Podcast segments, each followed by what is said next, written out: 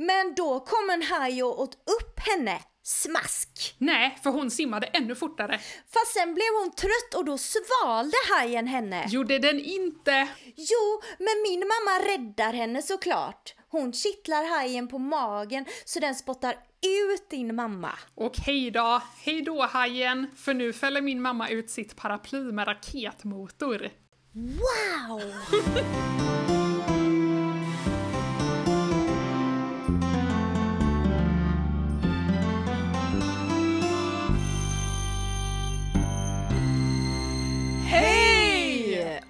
välkommen till Barnbokspodden. Det är jag som är Sanna. Och det är jag som är Märta. Och idag ska vi ju som utlovat prata om två stycken bilderböcker som släpptes i år. Ja, och inte vilka bilderböcker som helst. Eh, Nej, det hoppas jag inte. Då hade vi haft jättemånga att välja på. Eh, vi, vi så har en slumpgenerator och bara så slumpar fram en valfri så här bilderbok som har getts ut i Sverige de sista 50 åren. Så ska vi prata om den.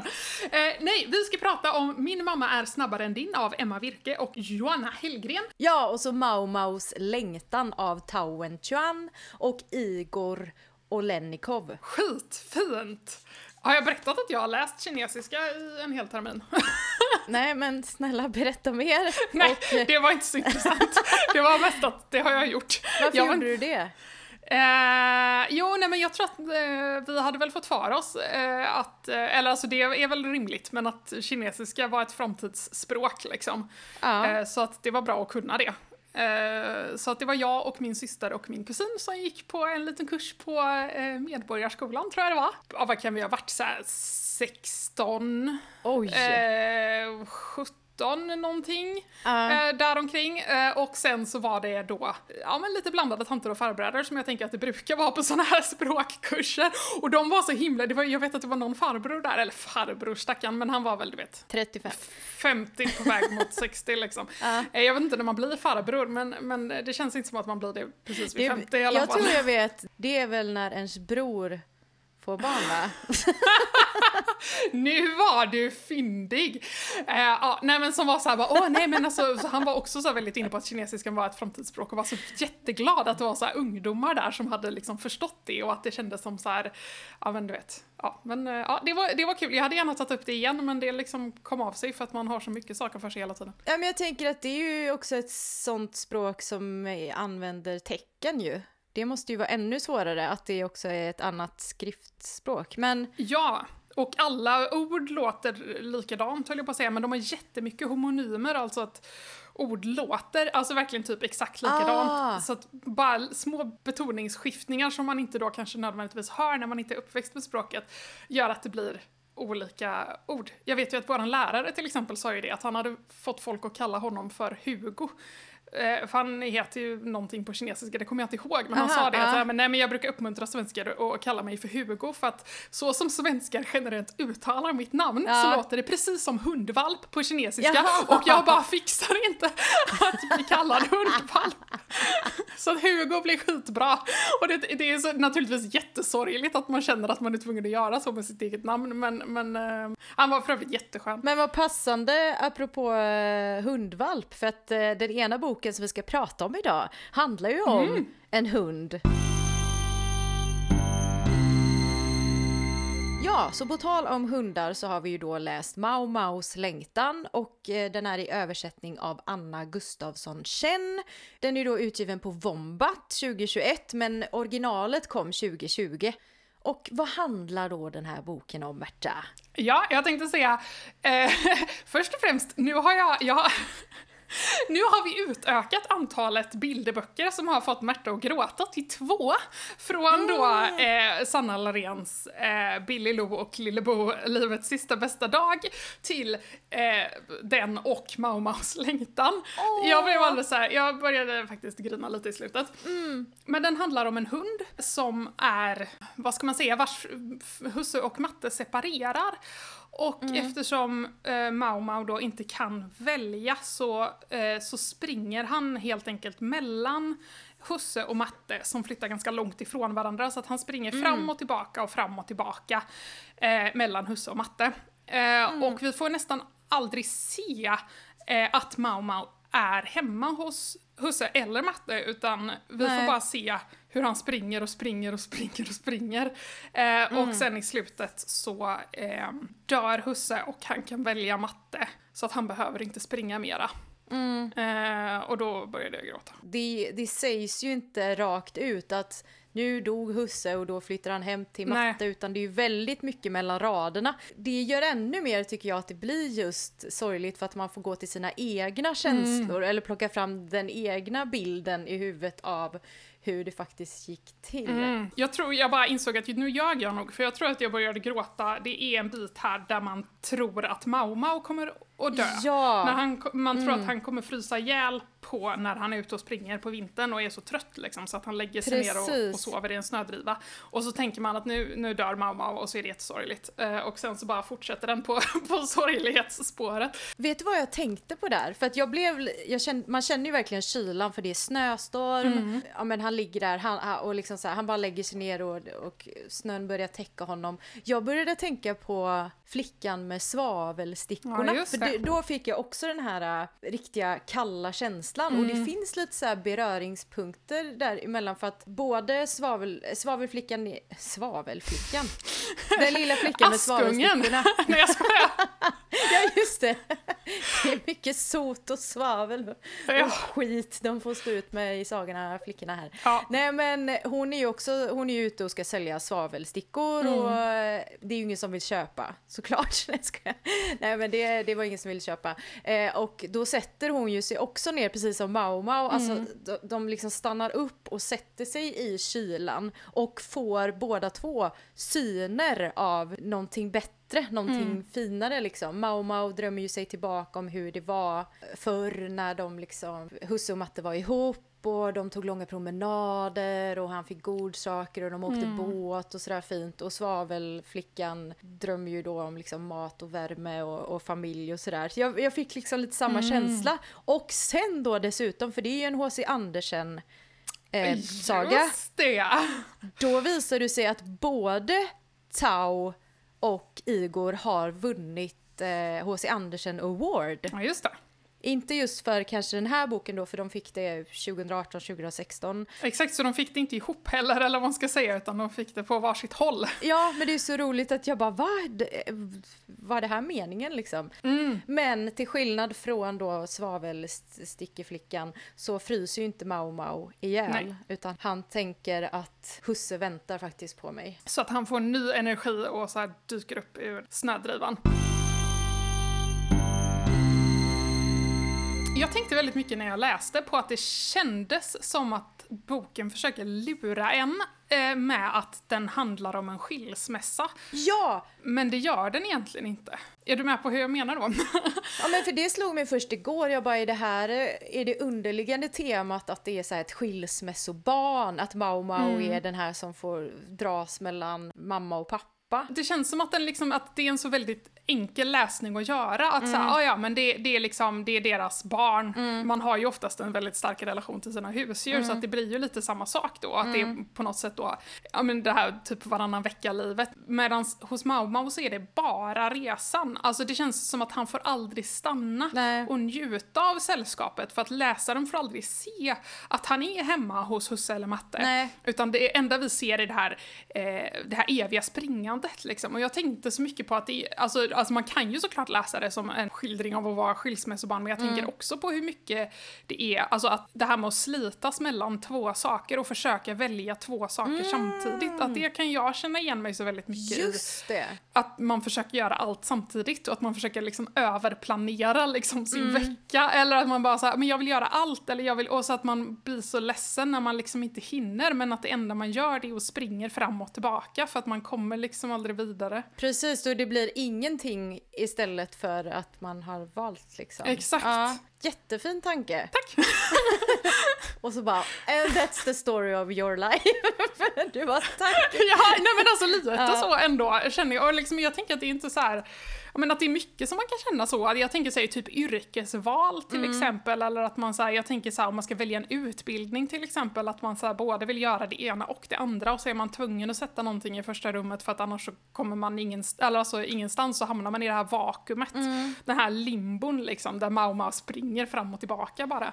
För då tänker jag också ja, men att det ibland blir att det är någon så här yttre tragisk omständighet som gör att man eh, tvingas in i något. Ja, men, nej men precis, jag tänker att slutet är så himla bitterljuvt liksom, för att på Mm. något sätt så är Mao Mao äntligen fri liksom. Ja, äntligen får han komma hem-ish. Exakt, för det är ju första gången som läsaren ser honom egentligen. Alltså han är ju och vakar över sin sjuka husse liksom, men det är ju Mm. första gången som man får se Mao Mao verkligen komma till ett hem och bli omhändertagen. Mm. Det slutet gör det ju så väldigt sorgligt också för att, för att man vet att det har kostat honom en älskad men att nu är Mao Mm. Mao äntligen fri liksom.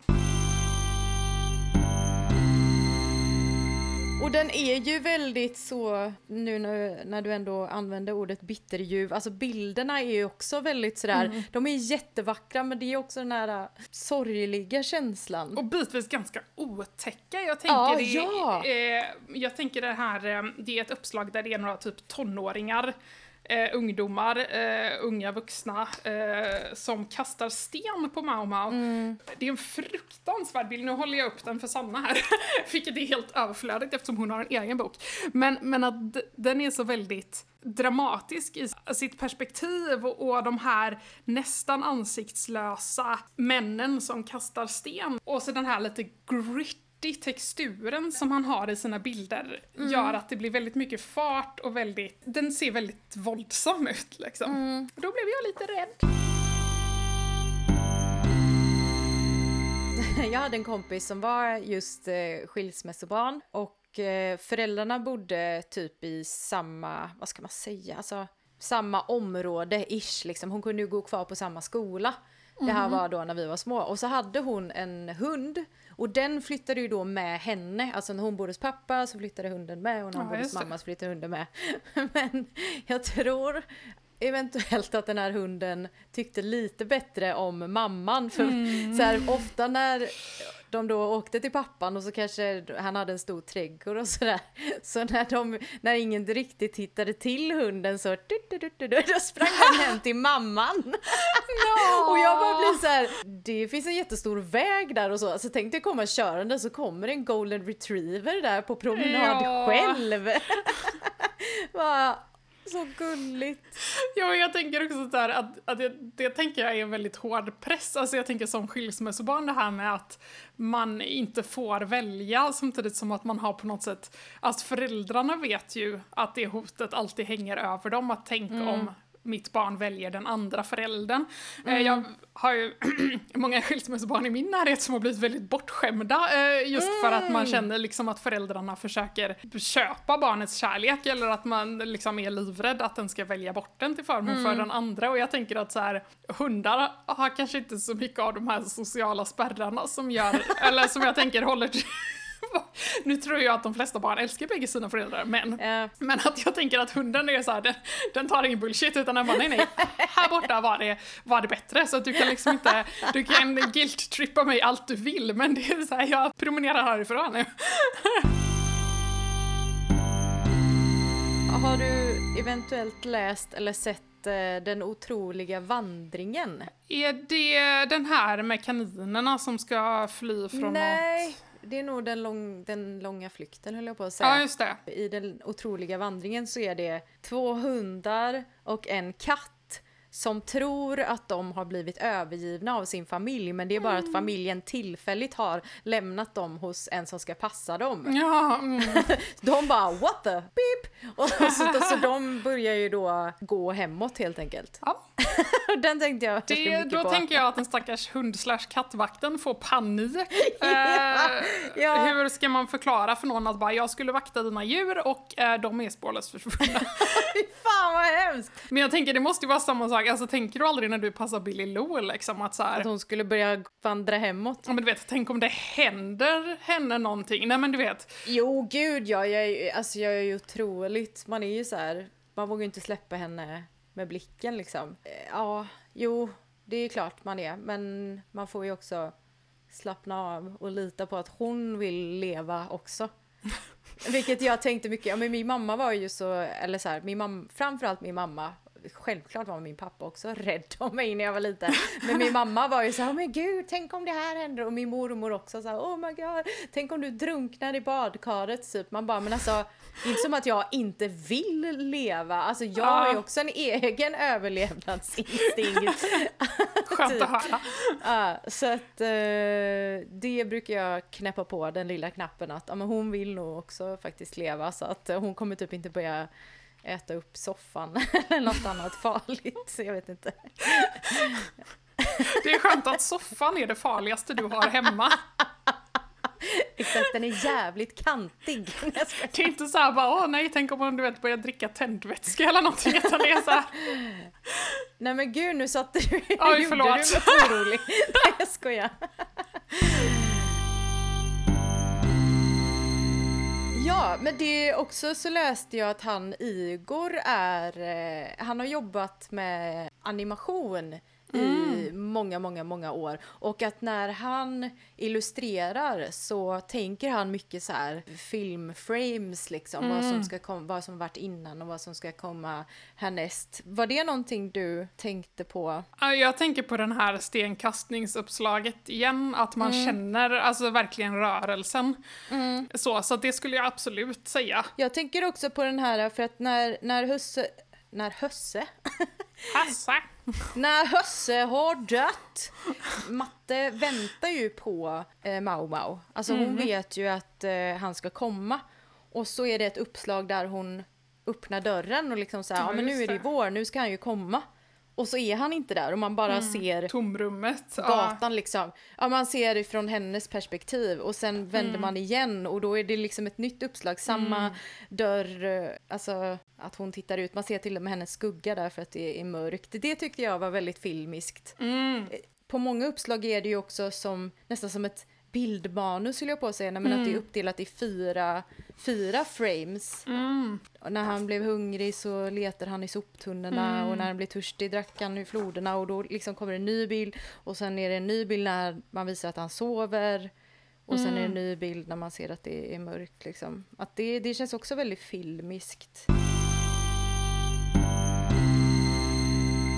Jag tänkte på ett väldigt intressant grepp också, det vet jag inte om det är, är typiskt någonting eller inte, men att den, det första uppslaget, den börjar liksom det hade varit osams i många år och till slut bestämde de sig för att göra slut och gå skilda vägar. De sålde sin lägenhet och lämnade staden där allt hade varit så ledsamt. De reste åt varsitt håll och slog sig ner i varsin ny stad, långt ifrån varandra.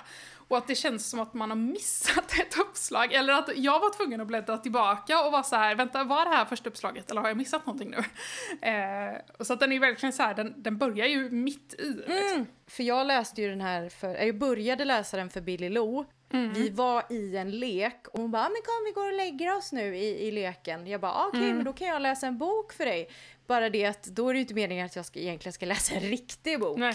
Det fattar ju inte jag. Utan Nej. jag ska ju läsa en bok som är, inte finns och som tar tre sekunder att bläddra igenom och sen så är det morgon. Så det var eller, en gång. Ja. och, och sen levde de lyckliga alla sina dagar. Ja, men exakt. men då tänkte jag i alla fall på, för hon lät mig läsa lite grann, att jag bara, när jag slog upp första sidan, så jag bara oj, det här var inte så barntillvänt mm. tänkte jag. Alltså färgerna, formen, att man ser att det är två vuxna på bilden. Alltså jag bara oj, vad, vad, vad ska det här ta vägen? Vad är, vad är det här för målgrupp? Mm. Men, men vad tänker du generellt med, det står ju på till exempel Adlibris att den är för 3 till 6 år. Jag tänkte säga, vi brukar ju uh, räkna bildböcker som 3 till 6 mm. år liksom. Mm. Eh, men, men det är ju många alltså, bilderböcker som man kan läsa med stor behållning, även som vuxen. Men jag mm. tänker också att det är någonting, ja bara det är någonting väldigt danskt med de här bilderna. Nej, men att Danmark känns som att de har en väldigt experimentell eh, bilderboksutgivning. Jaha. Som också får vara lite så här, lite gritty och lite smutsig mm. och lite så här, nästan skrämmande.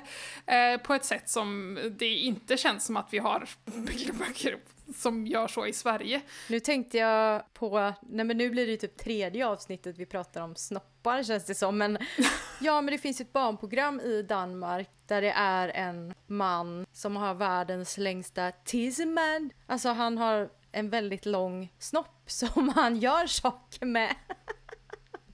Jaha. Det känns ju lite danskt. Danskarna rasar över barn-tv om världens längsta penis. En ny dansk tv-serie för barn har väckt starka reaktioner. Den handlar om den animerade gubben John Dillermand som har världens längsta penis. Där ser man. Serien handlar om John Dillermand som har världens längsta penis och som introsången utlovar så finns det nästan inget han inte kan göra med den. I tv-serien åker Johns penis fram när han behöver ett längre koppel till, koppel till hundarna eller när en granne behöver hjälp med att hissa flaggan. Ibland lever den sitt eget liv och då blir det genant, som när den stjäl en glass från ett barn. Jag är helt stum. Jag tänkte på illustrationerna rent, eh, hur har han gjort här nu, Märta? Det är väldigt, väldigt mycket textur. Jag har suttit och tittat och tittat och jag tror att Mm. det är en kombination av att han har gjort det, vad ska man säga, analogt och digitalt. För det är Ja. som sagt, det är väldigt mycket textur och väldigt mycket textur av färg liksom. Och Mm. även eh, färgpenna och så här. Men, men så är det så väldigt mycket textur så att jag tror att när han har skapat texturer av till exempel typ, ja men du vet akvarellfärg eller så här som han, Mm. mycket så här småsprinklat färg och, och mycket vatten så att det har blivit väldigt fläckigt och sen tänker jag mig att han har skannat in det och lagt det ovanpå. Men sen så tror jag att han har eh, pysslat i datorn också. Så att, men som sagt, det, det, det känns som att han har använt väldigt mycket olika medium, väldigt olika material liksom för att få rätt textur. Att det är liksom texturen som har varit hans huvudmål i den här boken. Just det, det är ju verkligen tasseavtryck på Mm. var, vartenda uppslag så att man ska förstå att eh, Mauma håller på och springer och också att eh, tassavtrycken byter riktning. Ja, just det ja. För det hade jag ju lite svårt i början när jag läste för jag är så van vid Mm. att en bok går åt ett håll. Eller att, Ja. Självklart kan det vara att de åker hem igen på sista uppslaget Mm. eller sådär men att det alltid är liksom åt, åt höger. Ja men det är väldigt fint just att han har lagt det som ett extra lager på bilderna, att det är så här Mm. Så ska vi hoppa till bok nummer två då då. Ja, men så gör vi. Nu ska vi fortsätta springa. Ja just det, ja just det! Eh, men eh, det, är, det är mammor som ska springa istället för hundar. Och det är ju Emma Virke som har skrivit, det sa vi ju förut, och så illustrerad av Joanna Hellgren. Utgiven på Lilla Piratförlaget i år. Och det är två barn som står på förskolan eh, och ska bli hämtade och eh, så fantiserar de eh, eller återberättar vad deras mammor är med om för äventyr på väg till förskolan. Och så blir det också då, som titeln eh, antyder, en liten eh, tävling däremellan vems mamma som kommer först. Och de utsätter varandras mammor för diverse, diverse oegentligheter tänkte jag sagt, men eh, läskigheter och, eh, och sådär och hjälper sina egna mammor. Och det känner man ju väldigt väl igen den här äh, leken liksom. Jag är bäst, nej jag är bättre än bäst, nej men den är men... Alltså så här, och så bara eskalerar det. Och det är så roligt också för att till slut så når de ju någon slags topp liksom. Att så här, nu, nu kan inte jag längre säga någonting mer för att, ja som i den här boken då, en haj har ju ätit upp min mamma. Så nu, nu liksom kan inte min mamma vara snabbare för hon har ju blivit uppäten. Men då ändrar ju sig eh, det här barnet då som har framkallat den här hajen att ja fast då räddar min mamma din mamma.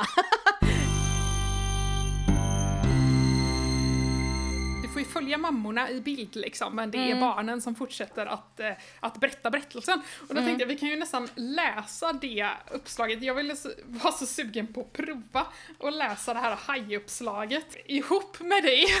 Ja för det är ju så finurligt att de har, eftersom barnen inte syns i bild precis som du sa, så har man ju gjort så att man har eh, färgmarkerat dialogen. Ja, Men då kom en haj och åt upp henne. Smask! nej, för hon simmade ännu fortare. Fast sen blev hon trött och då svalde hajen henne. Gjorde den inte? Jo, men min mamma räddar henne såklart. Hon kittlar hajen på magen så den spottar ut din mamma. Och hej då, hej då hajen, för nu fäller min mamma ut sitt paraply med raketmotor. Wow!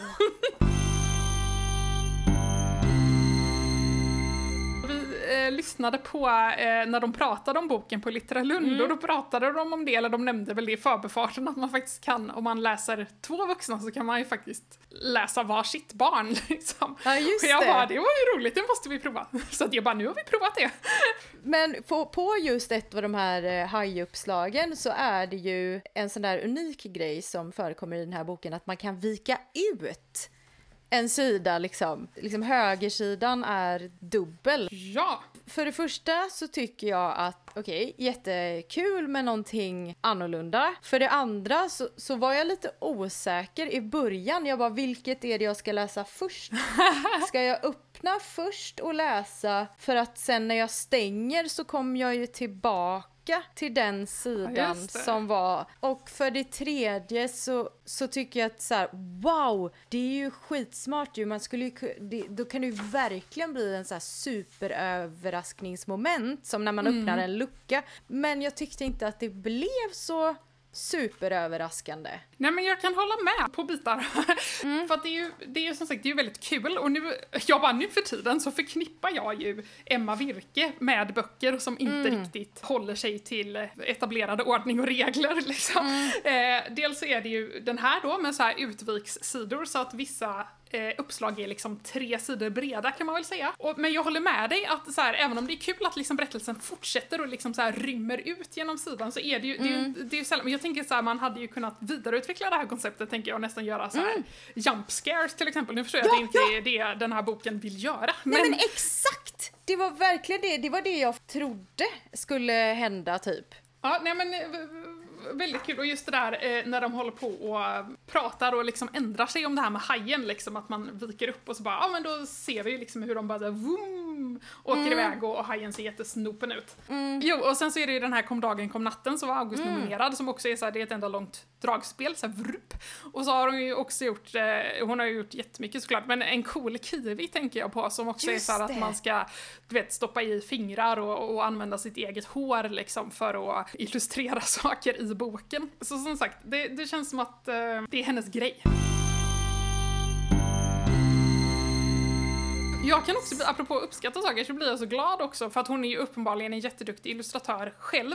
Men att Mm. hon också var så här, nej men alltså liksom också är så här, åh men kan inte du vet, du och jag göra den här ihop liksom? Precis, att det inte är hon som har illustrerat, nej. Exakt, för det, sånt blir jag så glad av. Eh, att man Mm. Eh, ja, men på något sätt också har en så känsla för sina egna, alltså inte nödvändigtvis begränsningar, men att så här, jag tror den här hade blivit kul mm, i, liksom den här, med den här personens bilder, eller att Ja. de skulle komplettera den berättelsen eh, som jag vill berätta. För jag tänker, det är ju ändå så här, det är väldigt ovanligt, kanske bland, vad ska man säga, bland etablerade författare, men det är ju inte ovanligt ja, att man bara, om man till exempel ska ge ut sin bok själv eller så här, skicka in den till förlag eller så här att man bara, ah, ja men du vet, jag har ju hållit i en penna en gång, jag illustrerar den själv liksom. Så att jag blir så glad när man utnyttjar den här, alltså samarbetet och är såhär, ja ah, men jag, vi kan skapa någonting helt nytt och helt unikt ifall vi samarbetar. Jag undrar hur det är att jobba med en författare, alltså jag tänker som illustratör som också ritar. Jag tänker att man får ändå så här. man får hålla, man får ha en ganska bra dialog tänker jag. Jag tänker att man får stoppa sig väldigt mycket som illustratör där, att inte liksom lägga sig i. Men jag, för jag tycker också att hon, hon kan ju ver- alltså Emma kan ju verkligen behandla sin illustratörskollega på det sättet som hon själv vill bli Exakt. behandlad. Så det kanske är, blir ännu bättre då, tänker jag. Att, Ja men så kan det absolut vara. Man vet vad det tar i tid. Jag tänker så här, de här är ju väldigt uppenbart målade analogt så att säga. Och då är det ju inte till exempel bara att ändra någonting. Eh, för att det vet jag ju att folk som har gjort uppdrag till folk som inte målar, att så här, folk kan bli så ja ah, men kan du inte du vet flytta den här? Och bara, ja fast då är jag tvungen att måla hela bilden en gång till. Det är liksom inte bara att flytta lite grann. Visst är det lite klipp och klistra också, typ att vissa Ja. karaktärer är ju liksom pålagda på... Jo, nej men alltså jag tyckte faktiskt att det var en jätte, jätterolig eh, grej, att det känns som att alla skarpa kanter är åstadkomna med sax. eller så här, att det är väldigt så här, det känns som att det är någon typ gouache eller eh, akrylfärg, kanske akvarell, men någonting liksom vattenbaserat i alla fall. Och sen så har hon då målat figurerna och klippt ut dem. Ja. Alltså kanterna i bakgrunder och så här, alltså det är inte så att de alltid flyter ihop, men de är lite mer, alltså de är lite lösare och sen så då för att få till de här riktigt skarpa kanterna kring figurerna så att man, de verkligen står ut från bakgrunden så är de utklippta och det tyckte jag var jätte, jätteroligt. Ibland är det ju, alltså inte som att det är slarvigt urklippt, men man kan se lite vitt så här längs kanterna som när man precis, man ska klippa liksom ut en figur och så klipper man precis Exakt som i cykeln där som har mycket tunna delar till exempel. Ja. Och det tänker jag också att man känner igen, för att man gjorde ju mycket sånt här när man var liten. Mm, så det är också ett så här, ja, jag vet inte, jag blir så glad när det är så här bilderboksillustratörer som eh, också leker med barns sätt att uttrycka sig konstnärligt. Eh, jag läste ju den här för Billy Lou, då min eh, brors dotter, och hon Ja. gav den betyget den var jättebra. Och sen så Ja. sa hon, kan du stänga boken och sen öppna den igen och säga smask, smask? Det vill säga att hon tyckte ju då väldigt mycket om när mamman blev uppäten av hajen. det var liksom, det var det hon ville höra igen. Gud vad roligt. Jag överdrev ju också så här att jag bara smask, smask gjorde så här. Och det tyckte hon var Nu vet jag att jag har tagit upp den innan, men den här bilderbokens hemligheter av Ulla Rudin, att hon pratar om det här att Mm. det är en risk när man som vuxen läser barnböcker att man, eh, vad ska man säga, läser ut bilden för barnet. Alltså att man inte nöjer sig med att bara läsa texten Ah. utan att så här, man börjar förklara att så här, "Åh, Just här ser du då att eh, hajen har en liten bula på det. kinden, så här ligger mamma. Nej men att man så här väldigt mycket förklarar och Ah, att då tar man ah. lite bort den här, den här dissonansen mellan, eh, mellan texten och bilden som kan vara väldigt kul och som barnet kan få jobba med intellektuellt själv. Men att jag Ja. tänker att det där är ju ett väldigt kul sätt att lägga till saker. Eller alltså jag tycker Mm. att ljudeffekter är ursäktade. Du har väldigt rätt där, för det är nästan som att man har lärt sig att man ska läsa så för barn, att man ska förklara. Det allra sista uppslaget är ju inte som det kanske brukar vara, att det är någon slags, eh, något mönster eller någonting, utan där fortsätter ju lite historien, att de går hem och där står ju ingen text, utan där är ju barnen som hoppar i vattenpölen och där var jag liksom, kände jag mig tvungen och bara plask, plask, plums, plums liksom. det kändes så konstigt att bara vara tyst. Eller också så här att jag vet att hon bara, jo för så här är det ju för sig, det står ju faktiskt lite text på den här sidan. Just det, det är tryckkortsinformationen där ja. Ja, och jag vet ju att om jag inte hade läst något eller sagt något på det uppslaget så hade Billy Lou pekat och bara läs! och då, Och då hade du bara, min mamma är snabbare än din. ja, Så här, copyright text Emma Wilke 2021. ISBN-nummer. Men jag tänkte på det också, det här med den eskalerande leken som man känner igen. Det här, jag är bättre än dig, nej jag är bättre, jag är bäst och då kan man inte säga någonting mer. Jag eh, minns eh, en sån här lek från när jag var eh, vikarie Ja, på en förskola. Och då var det två stycken det var på rasten och det var två stycken killar då, bästa vänner som stod och kivade som någonting. Och jag minns inte exakt vad det handlade om, men om man, vi säger, jag hittar på här nu, att eh, de väl hade hittat varsin pinne och så stod de och tävlade om vem som hade liksom den bästa pinnen. Ah, nu blir det ju några jävla fallus, fallus ja för det var lite där jag... Men, Det var det jag tänkte att det skulle landa i, men det ska det alltså inte. Fan också. Ja, skitsamma. Ja, men i alla fall, då börjar de så här bara, "Ja, men min pinne är bättre än din. Nej, min pinne är bättre än din. Min pinne är längre än din. Ja, men min pinne är bredare än din. Ja, men min pinne kan man slå mot staketet. Ja, men, men min pinne kan man slå dig. och, liksom, och här börjar det då spåra ut. Jag står ju där som någon så här tennismatch. Och så blir det så här liksom, nej, jo, nej, jo. Oj då. Och så slutar det så här och det här kommer jag tydligt ihåg bara Men då säger jag till fröken Då dödar jag fröken! Ridå. Och du bara, eh, nu går fröken på toa. Och det är så bara, för man bara, då säger jag till fröken och där brukar jag liksom kanske ta slut. Nej men då bara, då dödar jag fröken! Som sagt, vi lyssnade ju på någon sorts paneldiskussion slash intervju Mm. med dem på, på Littra Lund och jag blev så otroligt inspirerad och det var så kul att höra de prata om sitt tecknande och då, Mm. de hade ju vunnit samma manustävling men för två olika manus. Var det så här 2009 eller någonting, så typ länge sedan. Och, och då skulle de visa upp deras första då eh, illustrerade barnbok eh, och så skulle de visa ett uppslag som de var nöjda med och så Just ett omslag, eh, uppslag som de hade gjort om idag. Och det var så, jag vet inte, det var någonting så otroligt för jag hobbytecknar ju lite liksom Mm, och så blev jag så otroligt inspirerad när jag dels insåg när jag tittade på de här jättebra bilderna och de bara ja Ja. ah, men det här blev liksom, det blev inte riktigt rätt känsla och jag gillade inte och jag hade nog valt ett roligare perspektiv och den här horisontlinjen är inte så, kul liksom. Ja, ja. Och att jag blev så otroligt inspirerad, eh, det låter jättekonstigt att lyssna på folk som så här trashar sin egen konst och bara åh vad inspirerad jag blir.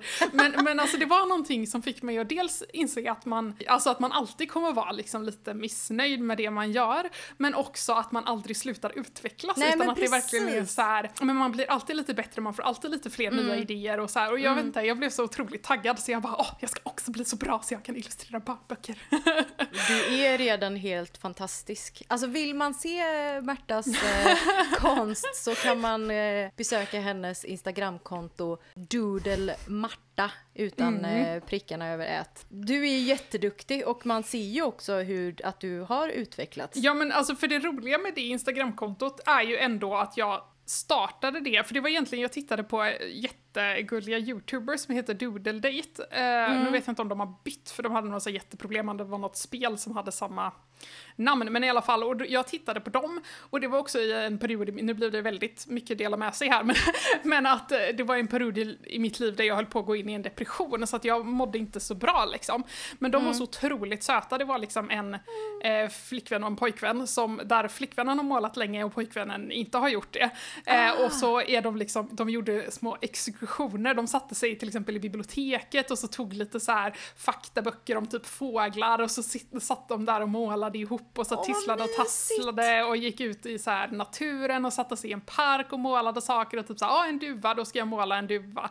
Och så var de bara härliga människor så de, jag bara, de var, var typ det enda som muntrade upp mig, vilket låter jättemörkt. Men då var jag så här, men jag ska också lära mig att måla. Och då skulle jag ju göra som dem, så jag skulle gå ut och, eh, till biblioteket och ut och sätta mig i naturen och sådär. Men att då startade jag också ett Instagramkonto för att kunna följa dem på Instagram. Och, och typ dela och så här, hitta andra eh, och sådär. Och det var, ju, det var ju väldigt kul. Men så att jag menar, till och med min första bild som jag någonsin har målat ligger ju längst ner där och skvalpar.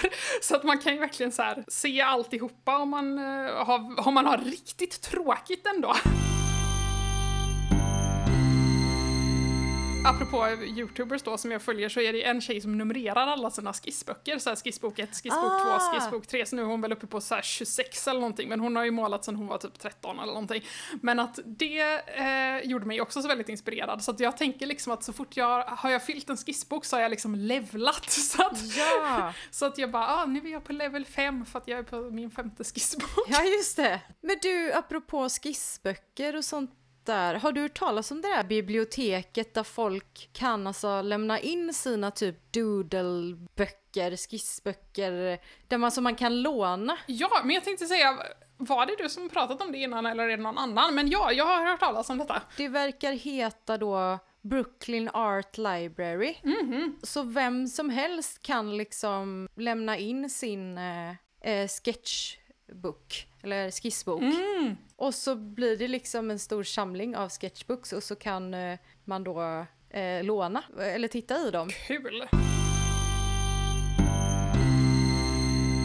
Vad roligt att vi har läst två så bra böcker idag. Ja, och att de är, jag tycker att de sticker ut liksom på varsina sätt. De är unika båda två. Mm. Det här är ju näst sista avsnittet för säsongen. Ja, och då syns vi om två veckor. Då blir det lite så här sommaravslutningsstämning, så då ska vi prata om en ungdomsbok och inte vilken ungdomsbok som helst, utan vi ska prata om Du är min Bobby Jean av Isha Valdén. Och vi kommer dessutom tävla ut två exemplar på våran Instagram. Eh, så de kommer vi, tävlingen kommer vi lägga upp i dagarna, så där kan man få hålla lite utkik. Eh, Och då tävlar vi ut eh, två stycken böcker och så lite godis och så ett special Barnbokspodden-bokmärke som man kan ha när man läser. Eh, och förhoppningsvis så hinner man då få boken till och med innan eh, vi spelar in nästa, eller innan vi eh, lägger upp nästa avsnitt så att man kan, eh, man kan vara med och, och läsa lite. Just det, vad kul! Håll utkik på Instagram helt enkelt och Facebook. Är det så att du vill läsa någon av böckerna som vi pratar om i Barnbokspodden så är det ju naturligtvis bara att gå ner till sitt lokala bibliotek och efterfråga boken, men vill man köpa boken så kan man nu för tiden göra det via en affiliate-länk så får vi en liten, liten del utav eh, priset utan att det kostar någonting extra för dig. Och då är det absolut lättaste att du går in på våran hemsida och ser i poddbeskrivningen, liksom under varje avsnitt, så finns det eh, länkar till böckerna så kommer du in på bokens hemsida där de går att köpa. Ja, så gör gärna det för då får vi en liten cash money-slant. Så läser du någon av de här böckerna som vi har pratat om idag så glöm inte att tagga oss på Instagram eller Facebook så att vi får höra vad du tyckte. Ja, och där kan du ju också då följa oss för lite ledtrådar till kommande böcker, aktiviteter och smakprov från poddavsnitten och nu även då kommer ju en tävling så håll verkligen utkik. Och vill eh, du komma i kontakt med oss så kan du göra det där då på våra sociala medier eller mejla till kontakt barnbokspodden.se och vi har ju också en hemsida barnbokspodden.se. Ta hand om ditt inre barn och kom ihåg att coola vuxna läser barnböcker. Yeah! Hej! Hej hej!